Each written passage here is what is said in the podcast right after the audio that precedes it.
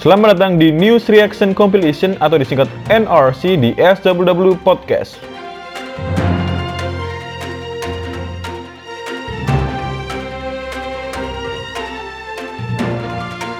Terinspirasi oleh teman kami bernama Saudara Adit untuk memberikan edukasi kepada teman-teman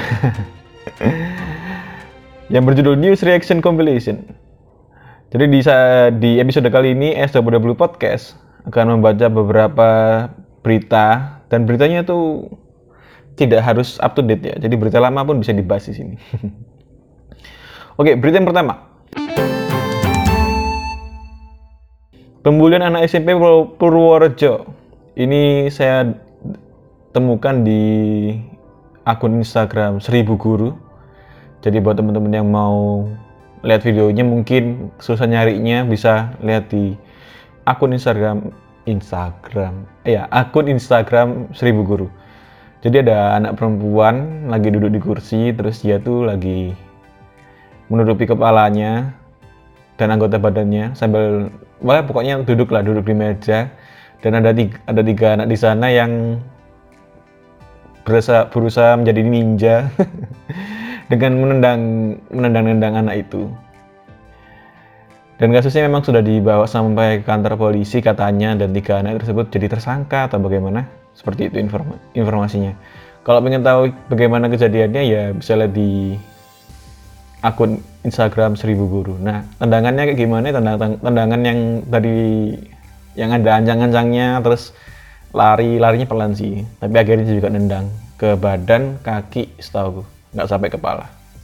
Dari video itu, gak tahu lagi kalau sampai kepala nggak ada yang tahu. Nah, menurut saya korban itu melakukan yang hal yang benar. Banyak yang bukan banyak sih ya beberapa ada yang mengatakan bahwa wah korbannya kok diem aja, kok nggak lari, kok nggak lari dan langsung gimana gimana, atau teriak minta tolong. Menurut saya tindakan korban dengan berdiam diri dan melindungi bagian tubuh pentingnya, terutama kepalanya juga, itu lebih efisien dan tidak memancing amarah dari ketiga anak yang merasa keren itu.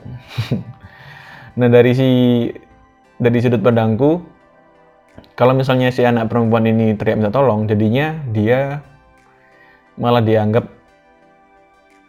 membawa ya, hmm, bisa membawa masalah ataupun merasa teman-temannya akan membantunya dan memilih tiga anak tersebut. Ya, supaya dan itu bisa memancing emosi si tiga anak ini dan bisa melakukan hal yang lebih parah lagi. Dan dilihat dari situasinya memang teman-temannya nggak peduli.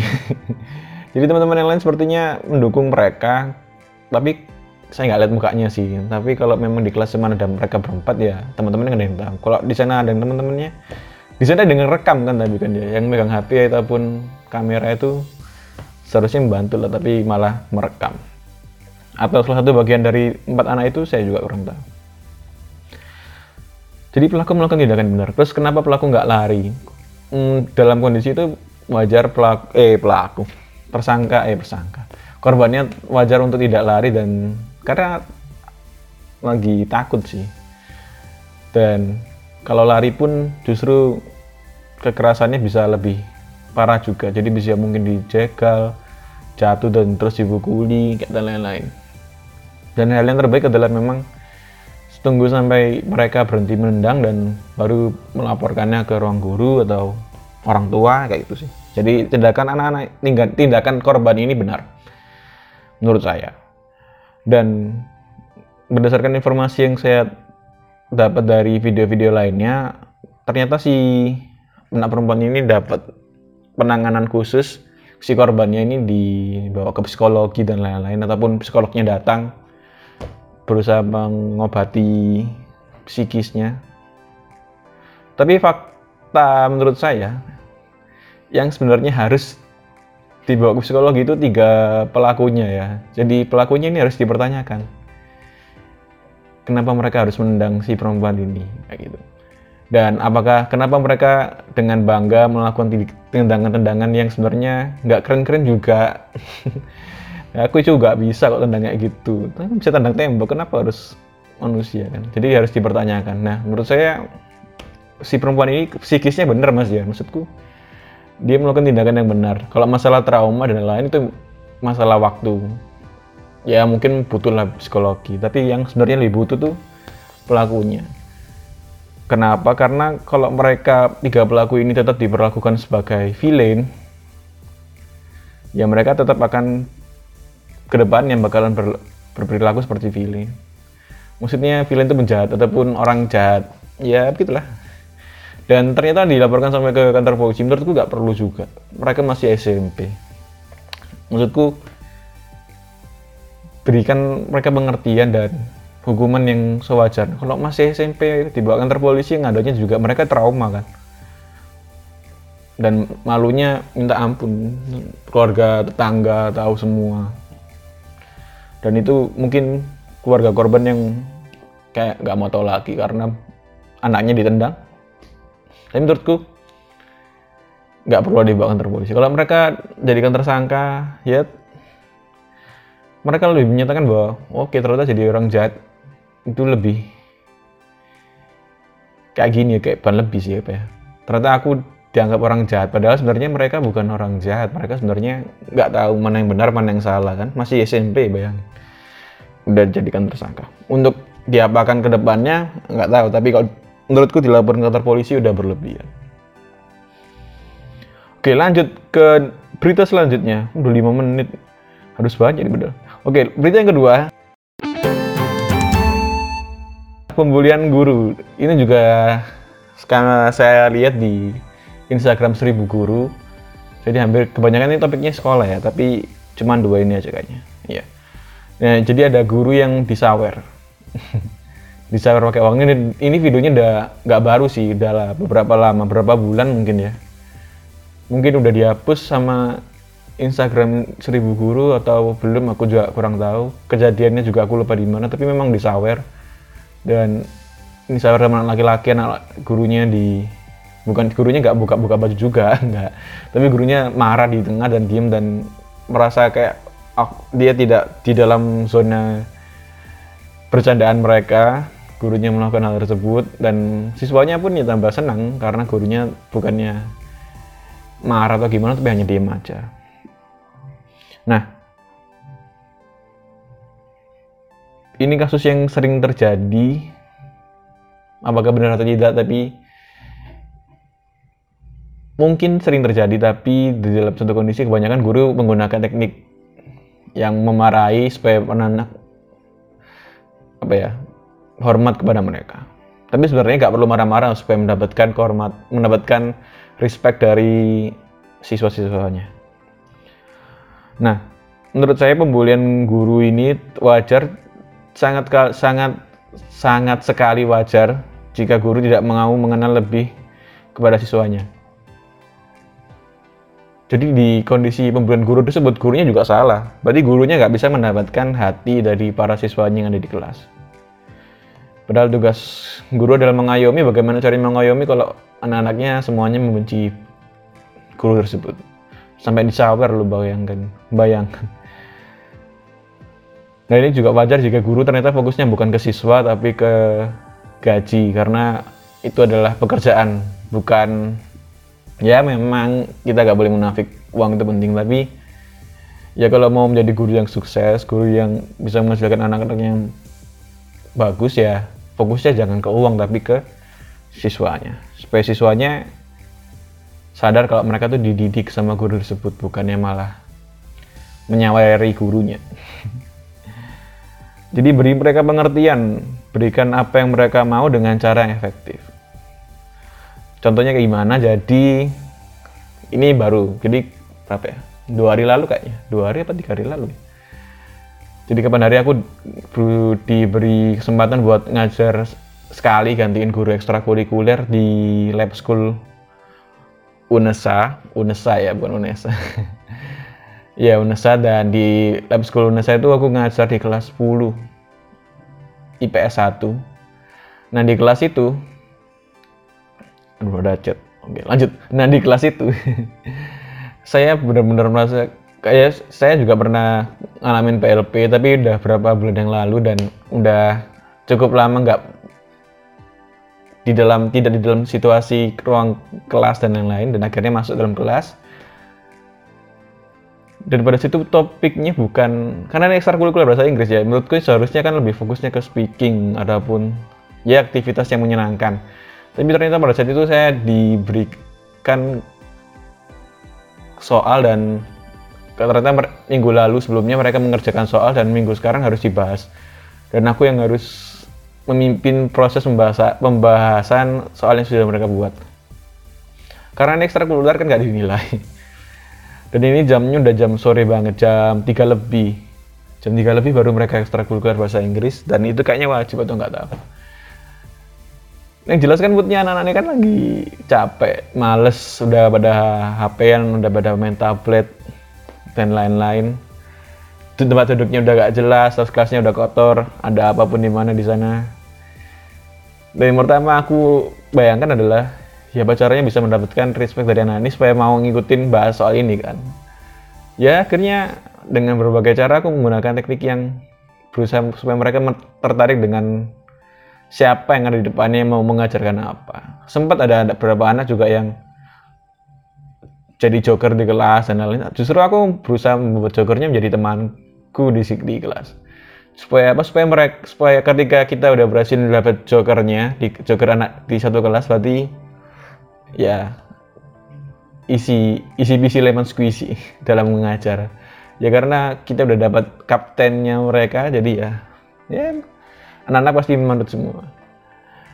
Dan dengan teknik itu ya lancar sih. Padahal baru kenal sehari tapi mission accomplished oh, ini bukannya mau pamer tapi sebenarnya itu jadi kalau mau dapetin hati mereka ya mau dap mau dapetin perhatian mereka dapetin respect mereka ya kalian harus mengerti mereka juga.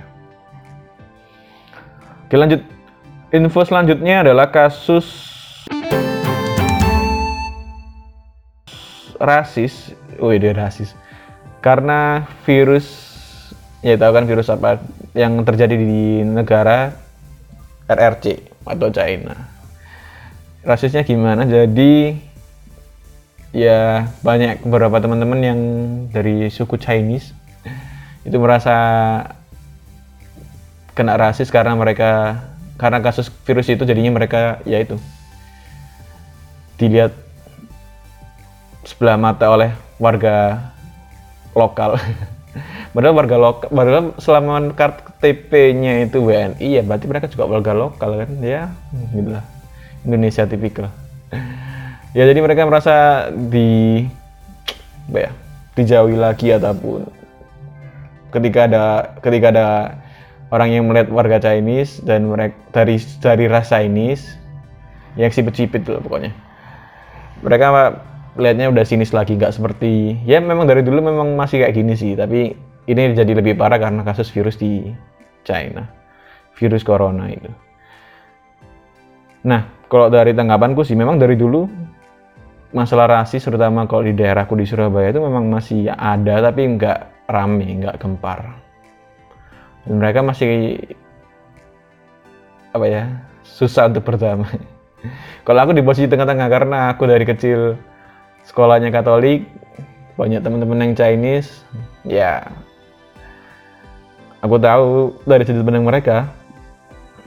Dan ketika aku kuliah, kuliah di UNESA dan punya teman-temanku yang non Chinese ya aku tahu juga dari sudut pandang mereka. Jadi aku berarti tengah-tengah padahal aku orang Batak Sumatera Utara dan ya sukunya doang. Tapi kalau tinggal di mah di Gresik menganti. Tapi aku sudah dapat dari sudut pandangnya antar kedua tim itu kedua ras itu. Nah bukan berarti aku nggak pernah mendapatkan kasus rasis kayak mereka ya. Jadi salah satu contohnya adalah hmm, yang ini. Jadi aku pernah masuk ke suatu restoran itu beberapa tahun yang lalu. Restorannya memang, memang mayoritas yang makan orang Chinese. Dan aku datang sendirian. Biasanya aku kok makan di restoran Chinese sama sama keluarga, tapi kali ini aku datang sendirian. Nah pas masuk restoran Chinese itu sendirian, kan kulitku kulitku kan kulitku kan ya sawo matang mau ke hitam lah. ya all eyes look at me. Jadi mereka semua yang makan di situ ngeliat aku semua. Dan pas sudah duduk itu sih biasa ya, tapi pas sudah duduk terus pelayannya datang, pelayannya datang tapi siak, sikap dan reaksinya padahal mereka sama-sama Indo tapi mereka kira aku apa ya dikira mau cuman mau beli minuman gitu. Padahal aku udah dapet sangu dari mamaku buat makan di sana. Aku udah tahu menu menu yang murah dan bisa dibeli oleh kantongku dan oleh uangku yang ada di kantong. Tapi ya tatapannya sini saya dikira aku gak bisa bayar kelihatan banget dan pas aku udah bayar aku sih dengan cara yang keren sih. Berapa mbak? Oh segitu doang oh segitu doang. Dan aku dengan gaya ngeluarin uang sih. Ya meskipun ada receh-receh lima ribuan dua ribuannya sih tapi ya gak apa-apa lah. Jadi jalan-jalan jalanku yang waktu masuk yang takut gimana atau malu sedangkan pas aku keluar dari restoran atau tempat makan itu jalanku pede banget karena udah bayar. Dan mereka semua ngelihat dan makanku memang cepet ya supaya yang di dalam ruangan itu juga tahu pas mereka jangan sampai mereka keluar duluan biar aku yang keluar duluan terus mereka tahu aku bisa bayar. Tapi itu hal yang biasa jadi aku nggak bakalan kayak marah gimana gimana karena ya itu wajar jadi it's okay. Bukan hal yang buat aku jadi sedih atau gimana. Nah kenapa kok aku ngambil contoh yang tadi? Jadi itu adalah kebiasaan yang jadi kebanyakan orang tentang kasus ras itu kebiasaan yang berada di zona mayoritas dan gak mau menyesuaikan dengan kondisi sekitar. Bayangin kalau aku makan ataupun beli di mana tempat kebiasaannya orang Chinese beli, pasti aku dipanggil koko. Berapa harganya kok? Ini justru lebih men-trigger saya daripada yang masuk restoran tadi. Kayak eh, buta kamu ya. buta warna. Hmm. atau nggak bisa ngeliat mukaku kayak gimana hidungku yang pesek kayak gimana. Maksudnya I'm not Chinese kenapa di Bangkokku jadi orang ini kebiasaan memanggil pelanggannya Koko, Cici gitu tapi padahal aku sendiri kelihatan banget gendut hitam tapi dipanggil Koko ya pernah ada pride sedikit sih kayak wih ya Koko padahal pada masih kecil sih. Pas udah dewasa gila masa aku udah kayak gini di Bengkuku jadi mereka udah terbiasa dengan lingkungan mayoritas yang harus mereka Bengkuku tapi ketika ada yang bukan dari Chinese dan mereka malas untuk apa ya memikirkan nama panggilku yang lain selain Koko misalnya Kak Mas Bang gak mungkin sih Bang sih. Uh, apa ya uh, Pak atau Mas gitu nggak apa-apa. Kan kelihatan aku dari dari suku yang bukan Chinese kan tapi ya gimana lagi? Mereka malas untuk beradaptasi dengan kondisi di lingkungan sekitarnya kayak gitu. Lanjut. Jadi minggu lalu minggu lalu gak sih? Dua minggu lalu aku baca puisi di Undisputed Poetry eh di tuh salah lagi.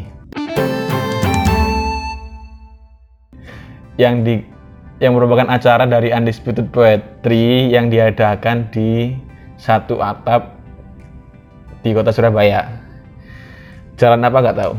Meskipun aku ke sana tapi aku nggak bisa naik motor jadi nggak hafal nama jalan di Surabaya. nah di sana sih keren sih. Jadi waktu baca puisi itu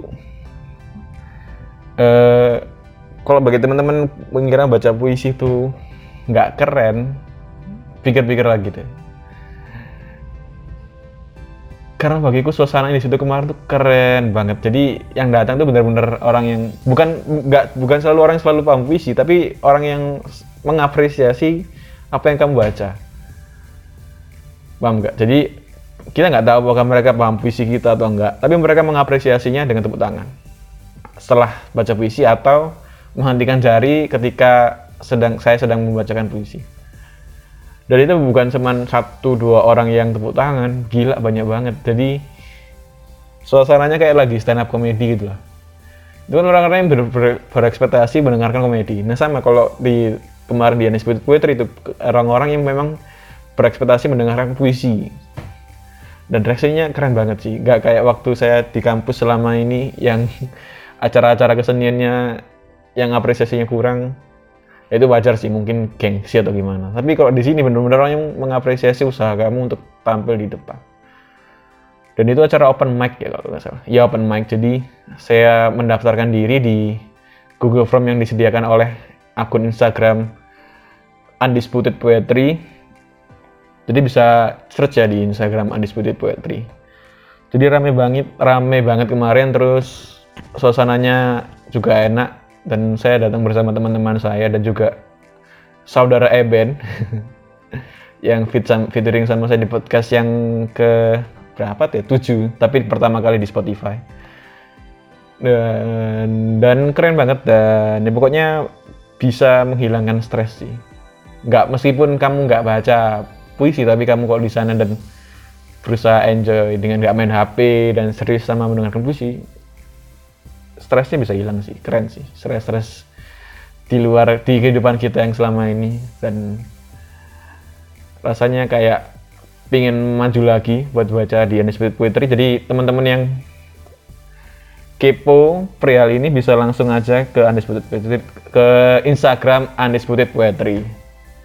Dan ini dia nggak bayar aku buat promosi tapi benar-benar saya apresiasi dengan mempromosikannya di podcast. Meskipun yang dengar podcast ini cuma sedikit sampai di menit ini. Lanjut di berita selanjutnya yaitu ini bagi menurutku sendiri ya ini berita yang dari pengalamanku sendiri dan nggak apa ini kan berita podcast podcastku ya Jadi menurutku ada yang aneh dengan kebiasaan berkomunikasi di sosmed, terutama di chat, di chat yang personal ya. Kalau di grup mah random, tapi kalau di personal chat bagiku ada yang aneh. Entah aku orang aku entah aku sendiri yang merasa janggal atau gimana. Menurut kalian apakah makna dari tidak membaca chat orang lain sampai berhari-hari? Padahal kalian online di chat itu dan ada notif chat yang belum terbaca, tapi nggak dibaca sama orang itu. Apa sih maknanya? Jadi tuh dari dulu ternyata ternyata dari dulu yang aku sempat lihat HP temanku ada notif yang 20 notif gak terbaca. Padahal ada personal chat di bawah dan mereka gak ngebaca itu. Kalau memang nggak mau dibaca dan ya di blok aja po di blok akun ataupun orangnya ya di blok ya udah selesai. Kan nggak perlu ngeliat lah jadi notifnya nggak ada menurutku ya secara mohon maaf yang bagi yang melakukan ini berarti menurut kalian orang yang tidak tidak menghargai orang lain. Ya memang ini cuman chat banyak bilang kayak gitu sih. Padahal orang itu kan masih ingin berkomunikasi dengan anda kecuali kayak memang udah kayak e, oke okay, bye atau enggak sih ya ya sama-sama. Itu gak apa-apa kan nggak baca. Ya kamu tahu, dia tahu, itulah akhir dari percakapan di chat kalian, chat personal kalian. Tapi pas dia tanya, atau pas dia berusaha membahas sesuatu, dan kalian tidak mengfollow up ataupun membalas chatnya, atau setidaknya dibaca lah. Kan nggak merasa aneh gitu ya, yang nggak baca chat kayak gitu, yang kayak yang aku sebutin tadi lah pokoknya kalian butuh dokter tuh kayak. Halo itu teman kalian kali. Walaupun bukan ya udah delete aja. Ya udah delete terus di, di blok udah selesai. Kalau kan merasa terganggu? Jangan di jangan di apa ya? Jangan dibiarin gitulah setidaknya. Jadi saya aku di sini mau ngingetin itu bahwa itu semua itu bentuk dari kalian yang tidak menghargai orang tersebut. Ya setidaknya dibaca lah, jangan di biarin gitu aja. Kalau grup mah nggak apa-apa, maksudku kalau grupnya nggak bahas kamu ya nggak apa-apa. Tapi kalau personal, masa nggak dibaca? aneh sih kalau menurut kalian nggak aneh ya ya nggak apa-apa wajar bagiku sih aneh kalian mungkin cek ke psikologi guru psikolog atau ke SW ah. Ya semua tahu ada yang salah dengan pikiran kalian. Oke jadi itu aja sih berita-beritanya yang buat di apa sih namanya news reaction compilation. Tapi ada kesimpulannya. Jadi kesimpulannya yang udah aku tulis nih memahami orang lain itu sangat penting, tapi bukan berarti selalu memaklumkan,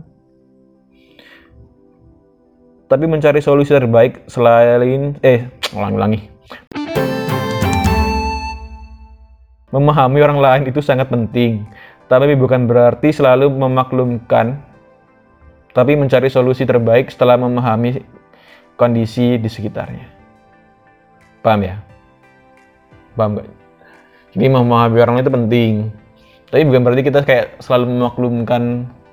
Tahu tahu nggak sih memaklumkan kayak kayak misalnya ada suatu masalah gitulah.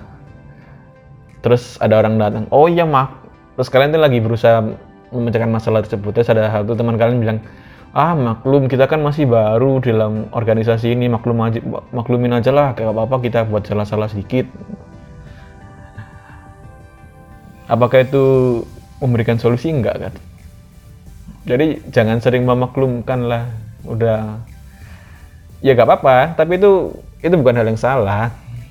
Tapi kan harus melakukan lebih. Kalau kalian memang benar-benar peduli itu aja sih dari kesimpulannya. Dan pengumuman selanjutnya itu news news. Ya benih news reaction compilation selanjutnya. Bisa kalian request bahas tentang berita, tentang berita apa atau kalian bahkan bisa mengirimkan audio suara kalian dalam menanggapi sesuatu. Misalnya kalian melihat ah ini berita ini keren nih tapi aku pengen bahas sendiri. Si ES double double ini bahasnya nggak keren. Biar aku bahas sendiri terus aku kirim ke dia terus dia masukkan Spotify dan suaraku terkenal. Mungkin aku bisa buat podcast sendiri ya kayak gitu ya mungkin ya.